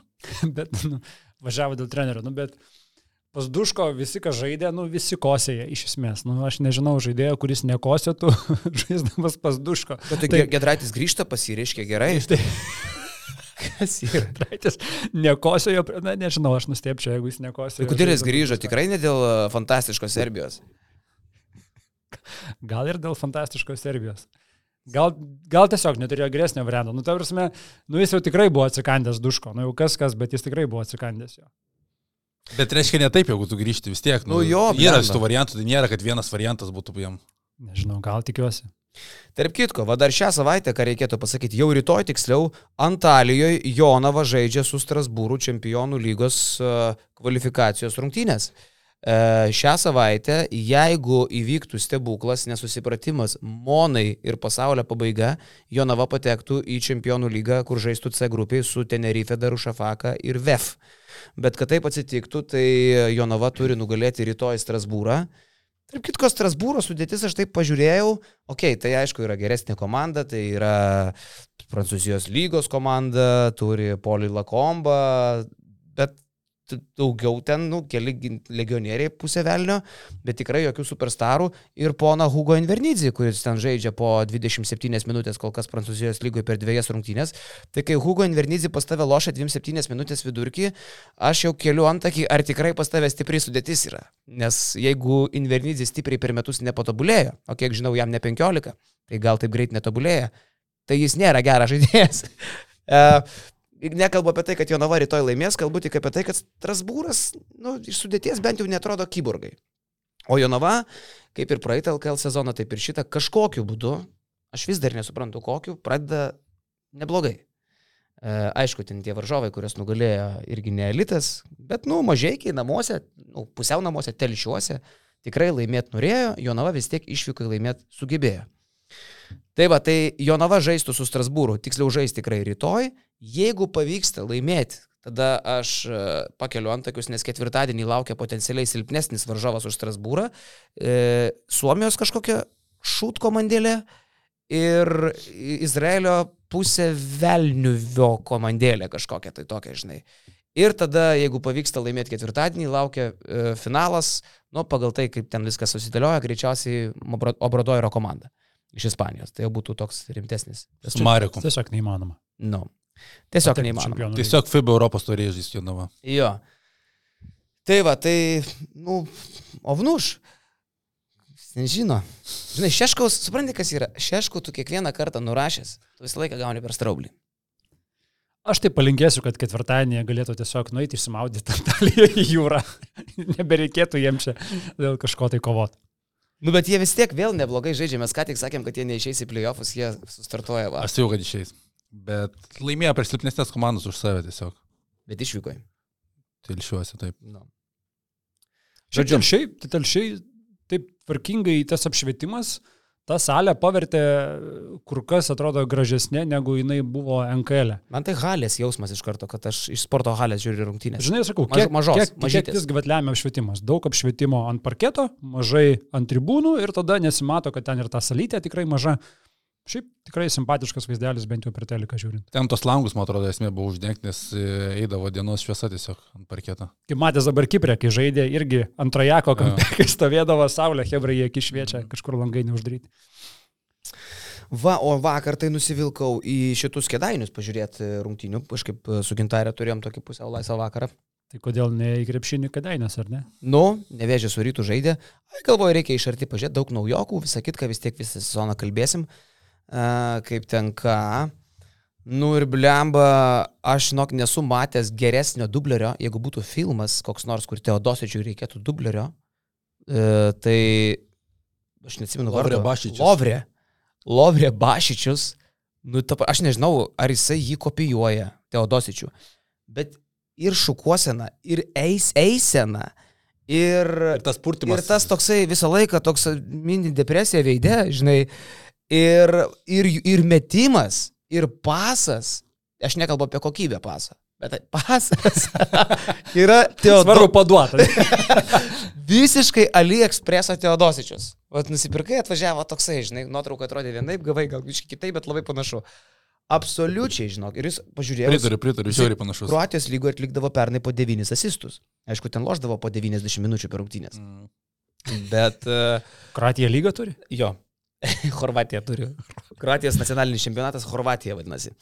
Ir supranti, ir tikrai, e, nu, man tai jisai, wow, galvoju, nu, čia Teodosičius. Dar jeigu per pertrauką supešė, tai iš viso Teodosičius. Nu, bet šiaip gerai, jis, jisai, nu, dar jo toks jausmas, kad jo komandos draugai tiesiog ne viską supranta, ką jis nori padaryti, žinai. Ten tas vinio okuoja, gauna tą nu. pasiūką, nes nesugraibo, žinai. Žinai, su Milušu žaisti vis gerai iššūkis. ne, ne visi tai gali. Taip, taip, bet šiaip įdomus bičias, bet jis bet toks man visai patiko. Nu ir Justinas Marcinkievičius, blemba. Vis aš pat žiūriu kaip žiūrovas dabar irgi. Kas? Justinas Marcinkievičius. Karjeros rungtynės vakar, gal 22 taškai, dėjimas su bauda ten galia, žinai. Nevėžys galėjo laimėti. Ten, žinau, ėjo taškas į tašką. Rytų ir vėl su nevėžiu sunku kažkodėl. Nėra žagaro, nėra nieko, vis tiek nevėžys kažkaip tai lošia tą kažę, žinai. Vakar nustebino tikrai, atrodo, kad e, pasikeitė kėdainių komanda, bet rytas vargsta. Po rungtinių Žibėnas kažkodėl pradėjo kalbėti, kad norim paneigti gandus, kad Arnas Velička yra... Kokius gandus? kokius, kas čia kalbėjo? Kas, ka, kur? Aš klausau visus podcastus, skaitau visus straipsnius, net krepšinė žinias LT. Aš sakau, aš, man, mano pirma mintis buvo kažkas kažkur pakalbėjo, nes aš nieko neklausau, ką kiti kalba ir mano, tai va, aš paklausiau, tai koks čia kontekstas, iš kodėl jis čia apie tai pradėjo kalbėti. Tai nieks niekur. Aš nežinau, Tai aš kažką pasakė, kad e, Velyčka, noriu paneigti gandus, kad Velyčka yra sunkiai treniruojamas. Taip. Ne, ne, ne, sako. Kur gandai Jis buvo? yra labai gerai treniruojamas. aš nežinau, Gerai, kur. aš, aš tai noriu paneigti dabar gandus, kad e, Jonas e, yra turkas. Nes tikrai, mane, mane, man atsibodo. Tai Ne, ne, dieną ne. iš dienos aš girdžiu tą patį, kad tu esi turkas. Ne, tu esi Ne, ne, lietuvis. ne, tikrai ne. Taškas. Taip. Tai jo. Tai va tas keistai man nuskambėjo. Bet žinai, kokius aš gandus noriu paneigti. Jis dažnai. Velyčka trajako nepataiko. Va čia tai buvo melas. Aš galvoju, kai pradėjo, Wow! kai pradėjo kalbėti spaudos konferencijai iš vienas apie tai, galvoju, sakys, norim paneigti gandus, kad Velička negali pataikyti iš toli. Tas būtų geras bairis, gerai skambėtų, aš šito tai nesupratau po to. Nežinai, jeigu apie tai niekas nekalbėjo, tu apie tai pakalbi garsiai, tada apie tai visi kaip tik kalba, kur kas labiau negu būtų. Yeah. Nu, bet nežinau, šiaip žibas tikrai jisai supranta, ką šneka, žibas, kuris apgalvoja labai stipriai, ką išneka. Tai gal, gal kažką mes praleidome. Gal čia yra kažkokia potekstė, kurios mes nežinome. Pačiam Velyčkai gal buvo skirta, žinai. Gal, Aš- aš, gal aš aš manau- atsinešė į treniruotę. Žinok, treneri man ten sakė fanai, kad aš sunkiai treniruojamas. Žinai, nu pavyzdžiui. Tu sunkiai treniruojamas. Fanai praeidami reikia Velyčkai Aš gatvėje. tikiuosi, kad pas mus komentaruose YouTube tikrai yra žmonių, kurie pakomentuos. Visgi toks būry žmonių žiūri, tikrai supras, apie ką čia buvo kalba. Gal Urbonas Kosove kažką podcastą turi jau. Sergiškai. Taip kitko, Urbonas, žinot, kad grįš į Uteną, bus uh, tos Europos Šiaurės Makedonijos čempionato garas. Kosovas dalyvauja Šiaurės Europos lygoje, taip. Tai va. E, O Velyčka e, nustebino ir tai panašu nebėra atsitiktinumas, jisai žaidžia jau antras rungtynės su geru trajakų pataikymu, vakar 4 iš 7, nu čia solid. O pirmose rungtynėse kiek sumetė? LKL. -o. Ne 4 vėl buvo? Patikrinu. Pirmose buvo vienas keturi. Vienas keturi. Ai, tai gal friendly game'as kažkuris buvo, kuris keturis įvarė. Vulfsam gal reikėtų pračekinti jo. A, nu ir čia daug ką keičia.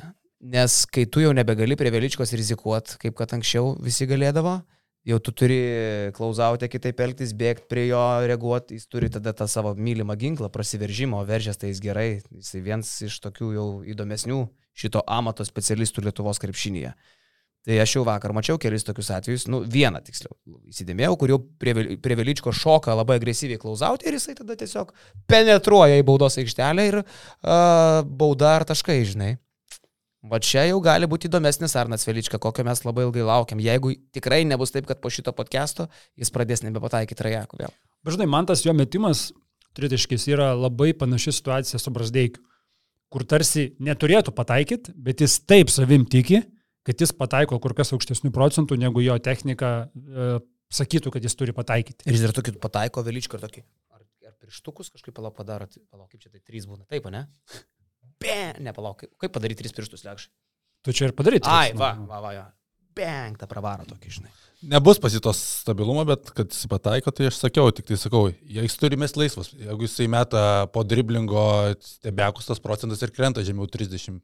Kas dažnai būdavo ankstesnėse komandose. Dabar, jeigu jisai yra geroje sistemoje, pasiryta viskas aišku, kaip turi judėtas kamuolys, tai jis tų metimų daugiau laisvas išsimes. Aš tai jį atsimenu prienuose, kad jau nuo jo atsitraukinėdavo žmonės. Gal psichologiškai buvo. Jau, sunku. jau, ta prasme, atsukdavo jam nugarą ir gėlių paduodavo pokštį ir šampaną. Mes tumta. prašau. Prašau, prašau. Nu. Nu. Tai jo, jo, jo, tai kaip, du, kaip dualą nevėžį Mm. buvo toksai irgi veikėjas, kur Šulskis e, atsisukdavo, pasilenkdavo ir kaip Džimas Keris su Subinė pradėdavo kalbėti, žinai, į, į dualą metant šitam trajeką. Kaip žinai, pats žaidėjas supyksta, kai taip daro prieš jį, kai, kai visiškai ignoruoja jį prieš, prie tritaškio linijos, tai pačiam žaidėjui, nu, žiaurus pyktis viduje yra ir jeigu jis jį dar nepataiko, tai save drožia iš vidaus. Jo. Kas dar iš ryto e, šiaip aktualu ir svarbu, jie vis dar lošia be Radzevičiaus ir be Ehodo, tai ir be, be Ehodo jie žais dar sakė žybas mėnesį. Tai aš taip manau, kad jisai turėtų ant žalgerio rungtynių, ne, prisikelt. Spalio antroje pusėje, Jehodas grįžta, Radzevičius lapkritį. A, tai dar anksčiau gerokai. Jo, o Radzevičius, kaip suprantu, dar gal net ir du mėnesius gali nežaisti. Lapkritį. Lapkričio vidurys, sakė. Jo, jo. Maži, anksčiausiai, neskubės su Radzevičium. Nu, bet uh, gerai, Erdžiai Kaulas atrodo visai toksai smagus tikintis vyrukas, išeina į aikštelę, uh, prieš, uh, net prieš trečią kėlinį išeina, iš karto tik, tik, tik, čia aš potiriauti nelabai moku, bet jis patyli, patyli, pasižiūri į dangų ir tęsia rungtynės toks, žinai, dvasingas bičiukas. Delaurieras toks ne- neryškus dar, kažkaip galvoju, kad kai nėra Ehodo, turėtų matytis Delaurieras, bet jis iš vis nepastebimas buvo vakar. Gynybinis toks centras, daug polimetrų būtų ir nedarys, bet rytui gal ir reikia šalia Ehodo tokio gynybinio, kur pernai buvo ten kairys, gerai tas atkarpas žaisdavo, tai dėl Aurė, man atrodo, panašiai bus, tik tais daugiau gynybinis žaidėjas. Nu, o žinai, dar aišku, Norma ateis, Normantas ateis į, į formą, nes manau, kad tie, kurie pasaulio čempionų lošia, dar tokie irgi. Masiulis šiaip Tai patinka. prieš mirtiniai. Ir jo, Masiulis yra pa, patobulėjęs. Pasitikėjimas grįžęs, sutvirtėjęs kūnas, esminis turbūt pasikeitimas, kad šiemet jisai turbūt žais didesnę dalį sezono penktų numerių negu ketvirtų, pernai jeigu jisai būdavo nugrūstas į kampą ir padarytas toks stretch for, bet tas stretch for labai retai pataikydavo, tai šiemet jisai daug universaliau atrodo, sutvirtėjęs kūnas, pasitikėjimas sugrįžęs, tai dėl Masiulio smagu tikrai kaip jis atrodo tas vizualiai, vien jau tas jo pasitikėjimas ir nes pernai jis tiesiog buvo atrodė sužlugdytas žaidėjas, toks, kuris jau pats savim nebetikė, tai šiemet visai kitas vaizdas, tas man patinka. Jo. O tu jau komentavai LKL? Ne. Komentuosi? Komentuosiu kada nors. Per GAU3, ne? Ja. Uh, kas dar per GAU3? Stalgaitis. E, Kubilius, Gedrius, Žilva. Aha. Bet ten dar kažkoks yra vienas bičiukas. Tai kartais atsiranda, kai nėra toks, kad grinai baigtinis sąrašas komentatorių, kas Petrikas pasijungia, bus Petrikas. bus va, pas- bus- Kas yra Petrikas? Erikas Petrikas. Čia kur sekundės bankas su... Sinešė. nežinau, nežinau, ar jis toks rimtas vyras. Mhm. Bet jisai Petrikas, jisai, man atrodo, gal komentuodavo moterų lygą, nežinau, nenoriu prisikalbėti. Man atrodo, bus kada pasijungs ir Danas Kriaučiūnas, nes e, kada nu, būna tų tokių lokacijų, kada nėra patogu tiesiog nuvažiuoti jas, tai būna tokių žmonių, kurie padengia šitos vietos. Mhm. Okay. Tai va, dar vakar pažiūrėjau uh, Šiaulius su, su šitu Neptūnu. Mm, šiauliai pasėmė tašką. Uh, Neptūnas neįtikėtina komanda. Pirmose rungtynėse sumetė 18 trajakų, antrose LKL rungtynėse vieną. Ir tą patį jau, kai reikėjo traukti subinę, Davidas Gailius tranzicijoje paleido per rankas tokį. Ir Gipsas pirmos rungtynėse trajakų ten kiek? Septyni?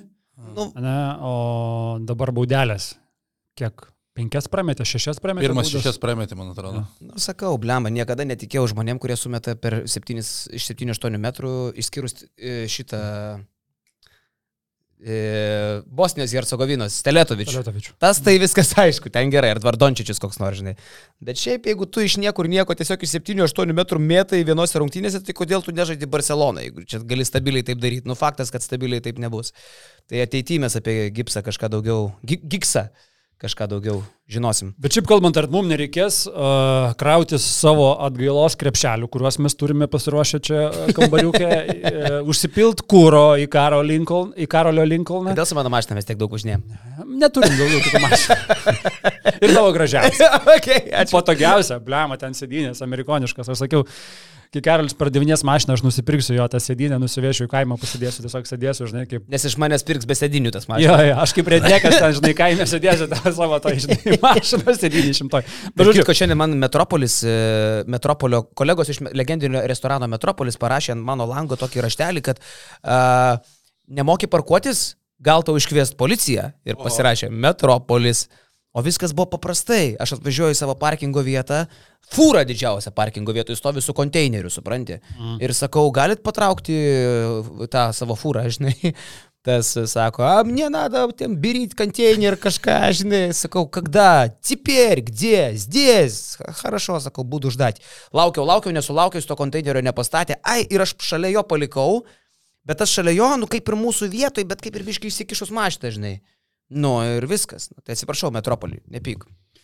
Tai va, bet mano mintis, kur pabaigti Atgilauti šiaulius reikės važiuoti. Iš esmės, e, kelia klupščiauta į tą aplink areną. Neskubėk. Na, nu, šiaip ne, tikrai skubėti nereikia jo. Niekas nesakė, kad Mazuras gaidys. Sakė, kad trijų metų sutartis yra įtartinai didelė ir rizikinga. Taip tiesiog buvo pavadinta blogų kontraktų treneriui, kuris pasirašytų su tavimi ir metų sutartį, nes jis, tai jam čia aukščiausia karjeros stotelė, jis nėra geidžiama prekė labai Europoje, kad jam duo trijų metų kontraktą. Ja, ja, tai ne, tik apie aš, tai, o šiaip sėkmės jam. Čia aš labiau šaržuoju. Ja, ja, 2-0 Liverpoolis startas, aišku, tikrai nėra tas, kurio tu galėjai, žinai, iš jo tikėtis, bet pradžia sezono mes atsimenam, toj pačioj Eurolygoje nelabai kažką gali ir rodyti, ne, pernai Feneris per pirmas dešimt rungtynių atrodė, kad čia bus nebejotinas čempionas, paskui kapanos dėl playoffų. Bet šiaip tikrai komanda, kuri, kuri nustebino. Man tai pavelka patinka, blemba LKL Jusufo falas, aš jį toliau, aš nepraleidžiu dabar šiaulių rungtynių. Uh, jis atrodo nieko nesugeba bičias tik tai stovėti ir po, po kažkiek, bet jisai jis pakankamai judrus yra. Ten, ten apie metimą kažkokį iš, išputėkis. Apie metimą kažkokį iš vidutinio, ten turbūt kalbos nėra. Bet po tą kažkiek jisai ištėsi tą savo uh, plūgus tuos. Tas, O baslykus. tuos Danielius baslykus du. Ir viskas, ir tu jam Ne, nieko, ne, tikrai ten- nieko nepadarysi. Toks, nu, bet matos, kiek, L, Falas. kiek LKL nedaug reikia, tu pasiemi bokštą, kuris ten neaiškus jau ūgis, ten vienur 2,14, kitur gal ir 2,20 atro gali atrodyti, tu pasiemi lietkabeliui netikusi bolerį Deivisą ir tu visiškai keitiesi savo veidą. Okay. Deivisas dabar irgi naujai gimęs Tai va atrodė. taip, tai tu pasiemi vieną žaidėją. Tai su Juventus irgi tokiam lygiai jisai galėjo siausti, šiuliai tokia komanda, kur ten nereikia dėlės sistemos, daug gali siauti su to kamoliu, tai Deivisas labai gerai tinkamas, jeigu šiuliai jį išlaikys iki sezono pabaigos, tai automatiškai tas tavo komandos pajėgumas ir keičiasi, jo nebuvo prieš Vilkus, būtų buvęs prieš Vilkus Deivisas, tai manau, kad pas šiulius ir būtų tas 2-0, o ne 1-1. Tai, Faktas, tu ten tik tiek ir tai, trūko. tai va tokį Deivisą Tas pats. Torpas gerai atrodo, šiaulių, jie su legionieriai šiaip yra pataikę. Tai va- va, Torpas blogai. Bet vat Volkeris, Volkeris vakar nežaidė, tai automatiškai, tu irgi, man atrodo, 2, 2 plus 1 pasirašys su Volkeriu. Tai nebuvo paprastas kontraktas, o jūs jau vakar nežaidė, nors buvo registruotas mačui. Mhm. Tai tie kontraktai įdomesni tokie buvo tarp sezonų, bet sakau, LKL toj viduriniai lentynui nedaug reikia, kad tavo pajėgumo balansas labai pasikeistų. Pasiemi vieną žaidėją gynėją, kuris e, yra LKL lygių geras gynėjas ir tu automatiškai gali laimėti tokias rungtynės. Na, aš jau dabar matau, kad šį sezoną Lietuvos krepšinio lygoje tarp vidutinių komandų bus labai daug sekso ir aistros. Pažiūrėk, tu dabar nebelabai ką galėsi prognozuoti, kai lošia Jonava, Utena, Šiauliai, Neptūnas, M-Basket tarpusavyje. Nu, lygiai taip pat kaip ir pernai. O dar čia paskui nežinia, kas kur traumuosis, kaip kas įsižais, kaip tie patys Vulfsai atrodys, ar nebus vidutiniokai. O gal bus tarp lyderių, kas čia, čia iš vis dabar nesusipratimas visiškas yra. Kas yra tik tai aišku, bent jau man asmeniškai, kad nu, dėl dviejų komandų nepateksinčių atkrintamasias, manau, kad mes jau galim pasirašyti po, nežinau, paskolom, e, leasingais ir ko tik nori, kad nevėžis, tai yra e, pieno žvaigždės ir garždai šimtų procentų nepateks į atkrintamasias, o, nu, pažiūrėsim, ne, man aš dar taip ten dedu nevėžį kol kas drąsiai, bet, bet e, mačiulio keliai nežinomi. Bet, žinai, dar užsiminė apie tą pavelką, kažkur ratus suka pas mus. Su mano dviračiu gal ne. A, jau, jau, jau tampa. A, vakar Neptūno tas aukštas kemantras numeris, kur man iš, iš pradžio atrodė, kad Valdas Vasilius grįžo ir pasiėmė savo kemantrą numerį. Rutherfordas. Ja, ja, bet pradžioje, žinai, kai tu žiūri per telikiuką, mažiukas ten laksto, panašaus tokio sudėjimo. Kiek jisai kartų po to pavelką lindo ir gavo blokų? Lindo, lindo. Aš pažiūrėjau, dabar jisai Lindo, penkis lindo, blokus vakar po gavo. manim palindo. Vakar Lindo žmogus gavo penkis blokus. Čia turbūt turėtų būti vienas kažkoks tai anti, antirekordų. Ir toks, kur žinai, nu, ar tu tikrai nejauti, kad prie tavęs yra greblys 220, kad, kad galiausiai jis tave kažkiek tai baudžia? Proto čia nėra, tai galima pasakyti. Jo, tai tas įdomus buvo variantas vakar. Šiaip uh, mes jau praeitą savaitę, aišku, apkalbėjom kažkiek taip, bet per tą savaitę kažkiek daugiau informacijos išlindo apie uh, Žagaro ateimą į Vulsus, kažkiek daugiau skaičių, daugiau faktų. Čia ir kolegos iš uh, kitų šalių ten daugiau tokius plėtkus skelbia, kurie galbūt nėra visai teisingi. Tas irgi toks Twitterio uh, žurnalistas yra italas uh, Luka D'Alessandro, jis ten toks, uh, nu, žodžiu, irgi kaip krepšinio žinios, kur su, susikuria dalį faktų. Lemba, kokie gražus itališki vardai yra Luka D'Alessandro seniai. Čia fantastika. Labai gražu. Jo, bet... Uh, Andrėja Činčerinį. Jis teigia, jis teigia, kad pirmais metais Žagaras uždirbs 270, iš kurių 108 mokės Vulfsai.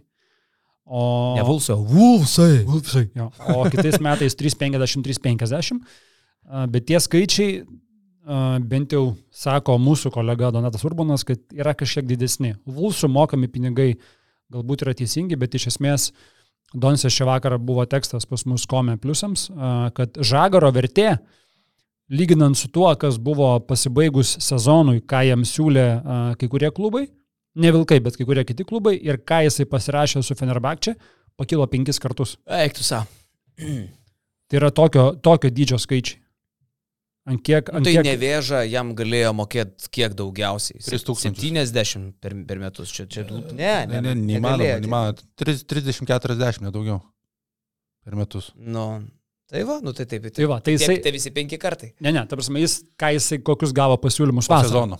Tai galėjo būti kokie 80-90 tūkstančių, tai jisai va, su Feneriu galėjo apie 400 pasirašyti. Ai, kad pasaulio čempas jo kainą pakėlė. Ja, ja. Mm. Galvojau, turiu menį visas sezonas ir pasaulio čempas. Ne, ne, tik pasaulio čempas. Nu jo. Ir kaip irgi, kas, kas, kas buvo minėta dar iki pasirašymo, ko Vilkai šiaip savo pranešimuose neakcentavo, bet uh, Žagaras turi išvykimo galimybę. Jis turi galimybę kažkurio metu išvykti atgal į Fenerį, jeigu Feneris matys, kad jam, kad jam jo reikia. Jeigu su Kalatisu visai nebepaveš. Bet klausyk, aš nemačiau mačo, bet pamačiau skaičius. 2,5 tūkstančio žaidžiant namie prieš garžus, čia yra kosminis skaičius. Tai daugiau, man atrodo. 2,5 tūkstančio. gal ten 2,4,5. Gal ne tą kažką pažiūrėjau. 2,5 tūkstančio, tai... Čia solidu labai. Kaip čia taip surinko? Nu, tai nemaža dalis tikrai darbuotojų, ASG struktūros žmonių, tai nepamiršk, kad ASG yra milžiniška. Aš nepamiršau. Ir Lietuvos maštabą, žinai. O kitas dalykas, aš tai manau, kad žmonėms ir įdomu buvo. Į pirmas rungtynės ASG, Vuls ir, nu, o tai eini pažiūrėti, kokį čia šau, kas čia ką, kaip čia kodėl. Manau, kad dar ir tas žinok visai. Aš irgi galai. Šiaip labai solidu, 2,5 tūkstančio prieš garždus. Silpniausia Lietuvos komanda. Tai, nu, Šalgirio arenui tikrai tiek nebūtų turbūt prieš garždus. Manęs tai kiek jis e, labai nedomina, tiesą sakant, aš net ir manau, kad jie surinks. Jie yra Lietuvai parodė, kad jie surinks. Man labiau įdomu, kiek jie, ar, kaip tai komandai seksis gauti populiarumo ir meilės. Ar, ar jinai gaus pagaliau šilumos kažkokios ir, ir realiai žmonių su atributika, ne darbuotojų, ne darbuotojų vaikų, ne šeimos narių, ne ambasadorių ir jų vaikų. O vat paprasto žiūrovo, ar ateis, ar bus ir kiek jų bus paprastų mirtingųjų, kurie perka bilietuksus, atsisėda su atributika ir nuoširdžiai pergyvena dėl tos komandos. Va čia vat man bus atsakymas per sezoną, va tokia metų kelionė. Vuls Vilniui, sostiniai didžiausiam Lietuvos mieste, turtingiausiam mieste, kiek jiem pavyks vat, su, su visu to darbu ir taip toliau e, surinkti žmonių. Mano prognozijas yra niūrios, aš e, nežinau, Aš manyčiau, kad du e, šimtus gal geriausiu atveju. Nu, aš neįsivaizduoju, kaip įsimylėti komandą taip greitai. Bet... Ne, tai greitai niekas nesidaro, žinai, toks paimi tą patį FSA, kiek FSA realiai Stambulė myli žmonių. Kai tu konkuruoji su Fenerbakčia, okei, okay, gal tas Rajus, tas pats krepšinio klubas labiau mylimas, kai tu tiesiog, tu neturi kažkokios istorijos ilgos. FS, FS pilna fanų turi. Sakykim, bet ten irgi yra suvaroma, žinok, iš, iš Rūklos. Iš darbuotojų. Irgi iš Rūklos. Nes, tai yra, nes tai yra du dideli remėjai, tai yra vienas alaus gamintojas, kitas yra draudimo bendrovė, ten turintis dešimtim tūkstančių per abi dvi sudėjęs darbuotojų, tai yra suvarinėjami tie žmonės ar nemokamai ten gauna kažkaip. Tai, tai yra gana dirbtinis toks irgi tas fanatizmas. Tai nieko keisto, nu, sporto klubom istorija yra svarbi, kad ir kaip žemelis to netiki Bet tai yra svarbu, turėti kažkokią tai istoriją. Ir čia yra sunkus darbas, čia nepasidaro nei per metus, nei per dviejus, nei per, nei per penkerius. Jo, nebus taip, kad, žinai, mylėk mane, mylėk, nu gerai myliu. Viskas turi būti labai natūralu, kažką laimėti, kažkas su tam turi užaukti ir visą kitką, nu čia jau daug kartų apie tai kalbėta, žinai. Tai va, nu, ir plus, sakau, labai priklausys nuo žaidimo kokybės, nes jau dabar tą žaidimą reikės Vulpsam pradėti rodyti. Kitą savaitę jų laukia išvyka ir rungtynės su Paris e, komanda e, Prancūzijoje. Tai žinai, jeigu tu gerai loši, auginiesi ten tą žiūrovą, atkreipi jo dėmesį, bet jeigu tu dar ir blogai žaidi prie viso to fono, kuris jau dabar yra sintetinio tokio, nu tai tada gero nelauk. O Taylorą ilgam, kaip suprantu, prarado, reikės operacijos. Nejaugi. Ne, tai kaip tik Reikės- supratau, kad mėnesių prarado. Tai jo, tai buvo, buvo pradžioj tokia žinia, kad jis iki Europos turės grįžti, tai dabar tik tai spalio gale tikriausiai Aš grįžti. tai jaučiu, Tayloras yra taip gerai visus apipisęs. Prasme, e, jis pasirašė trijų metų kontraktą, ne? Ne pirmas, ne paskutinis tokia karjeros stadija apipisas kažkokią komandą. Kiek yra veteranų tai padarysiu?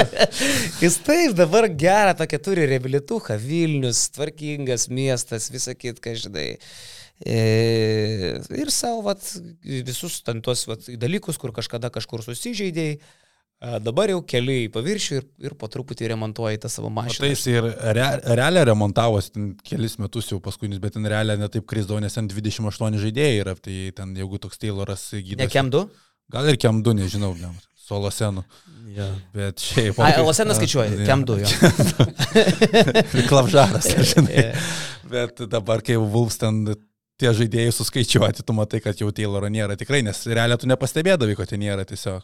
Dabar visiškai kita komanda. Nu, tai va. Tai vad prasideda mūsų savaitė, mes dar šią savaitę turėsim dovaną mūsų pliusams. Aš labai dėkingas BN Plus prenumeratoriams, kurių turime jau po pradėjo savaitės 6150. E, šią savaitę pliusams yra mega dovana. Šiandien į mūsų studiją čia po kelių valandų ateis e, Žalgirio vienas iš architektų Kauno Žalgirio komandos skautas Erikas Kirvelaitis, atsakingas bent už dalį žaidėjų, kuriuos Žalgiris pasisamdė ir už vieną, kurį pasisamdys. Ir už vieną, kurį atleido. Nu, tiksliau pardavė. Uh, tai Erikas Kirvelaitis uh, mūsų studijoje bus čia, pokalbis su juo prie aikštelės specialiai visiems pliusams išeis rytoj. Gerai spjovau dabar. Uh, vienas dalykas, kitas dalykas, šią savaitę dar mes turėsim viešą turinį, tai mūsų basketinius uh, fantasy pristatymą ir šešiese druskininkose. Lengvai. Terasytė, plus, plus 25. Jo. Šartukai, padarysim draftus. Ir kioniai nebedarysim šią savaitę. Ne, bet dar išeis viešai, išeis pokalbis su broliais Lavrinovičiais. Ai, Irgi čia viešai, savaitę, čia jo, viešai. Čia jau išeis viešai. A, tai buvo renginys, kurį mes turėjom rūpiučio viduryje. Karolis tada, aš sakiau, pravedė tą reikalą aukščiausių lygių. Aš, aš, aš retai dalinu pagirimus, bet tą kartą aš Karolį Taip. kokius vakarė mes dar paskui nuėjom, ten pasidėjom kažkur kokius tris kartus, aš jam mušiau per petį, praktiškai gal ir apsikabinau vienu metu. Vienu apsikabinai vienu metu, bet jau buvai... Net ir ašara kažkokia ištryškė buvo. tai tikrai, wow, ta prasme, kaip Karolis tą reikalą pravedė, buvo aukščiausias ligmuo ir aš manau, šiandien, ne, šiandien šią savaitę šitas pokalbis išeis visiems matomas, manau, irgi įvertinsit ir Karolio, ir brolio, brolių gebėjimus pakalbėti. Ir šiaip pat daug kas jau dabar turbūt, ai, broliai, nafik tikrai nežiūrėsiu. Va čia ir bus didžiausia klaida. E, Čia broliai buvo gilesni, įdomesni ir ne vien... Jie tiesiog, jie, na, nu, sakau, žmonės dažnai pamiršta, kokie jie buvo geri žaidėjai ir su kokiais gerai žaidėjais ir treneriais jie turėjo karjerą. Tai va vien dėl to, uh, manau, kad šitas pokalbis gavosi geras, nes jie kalbėjo apie tai ir daug apie tai. Jo, jo, nes aš irgi buvau tam, tai sakau, turbūt geriausias vasarą girdėtas krepšinio pokalbis. Nu, kur atrodytų Lavrinovičiai, ne? Piguma. Ne. Jie yra gilesni negu daugam atrodo. Tik tai, kad personažai kartais verčia, žinai, bulsai. Bus ir šitas. Bus ir šitas, jo. O ką, ir dar turim duoti padėką ir nukelt savo kepurės nematomas savo milašiams, kurių šiuo metu yra 11. Tai yra Basket Women's LT, tai yra Marius Milaševičius AB Mačiūnai, Game Room LT yra CNBA 2K24, Marius UAB Solite, Vytautas Ratkus odontologas 24.lt, AB AXA, Rolkis Rolės Transport AS, Med Market stalo žaidimai, Evaldas OB Emeritus, Justinas Bakas ir nauja sąskaita LT sąskaitų kūrimas. Naujas mūsų pliusas. Va, vyrukai, tai prasideda savaitė, palinkim Jonovai sėkmės ir atsisveikinam su brangiais žiūrovais irgi beigi jumis. Iki. Geros savaitės. Ačiū, kad žiūrėjai šį podcastą. Paspausk like, taip bus pamatys dar daugiau žmonių, arba prenumeruok kanalą ir gausi informaciją iš karto. Nuo dar daugiau turinio BN ⁇. E.